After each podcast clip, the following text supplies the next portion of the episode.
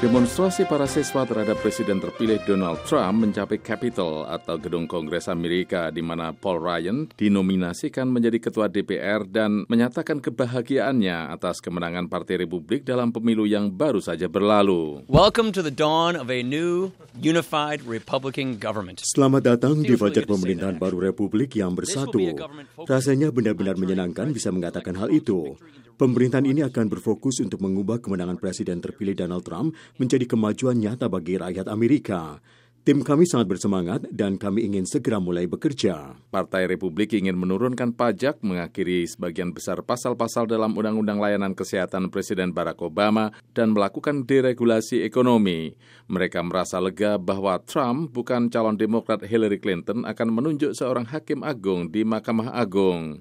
Senator Republik John Cronin dari Texas mengatakan, We will quickly move forward once the nomination. Kami akan segera bergerak maju begitu ada nominasi untuk posisi hakim agung. Kalangan Demokrat mengatakan Trump menunjukkan awal yang mengerikan dengan pemilihan Steve Bannon sebagai kepala penasihat politiknya. Bannon mengelola sebuah situs konservatif yang dituduh menyiarkan sentimen nasionalis kulit putih dan merendahkan kelompok-kelompok minoritas.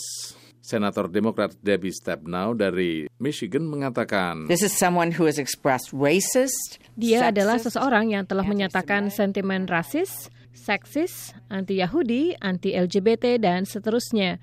Dia adalah seseorang yang berpandangan tidak layak di Gedung Putih.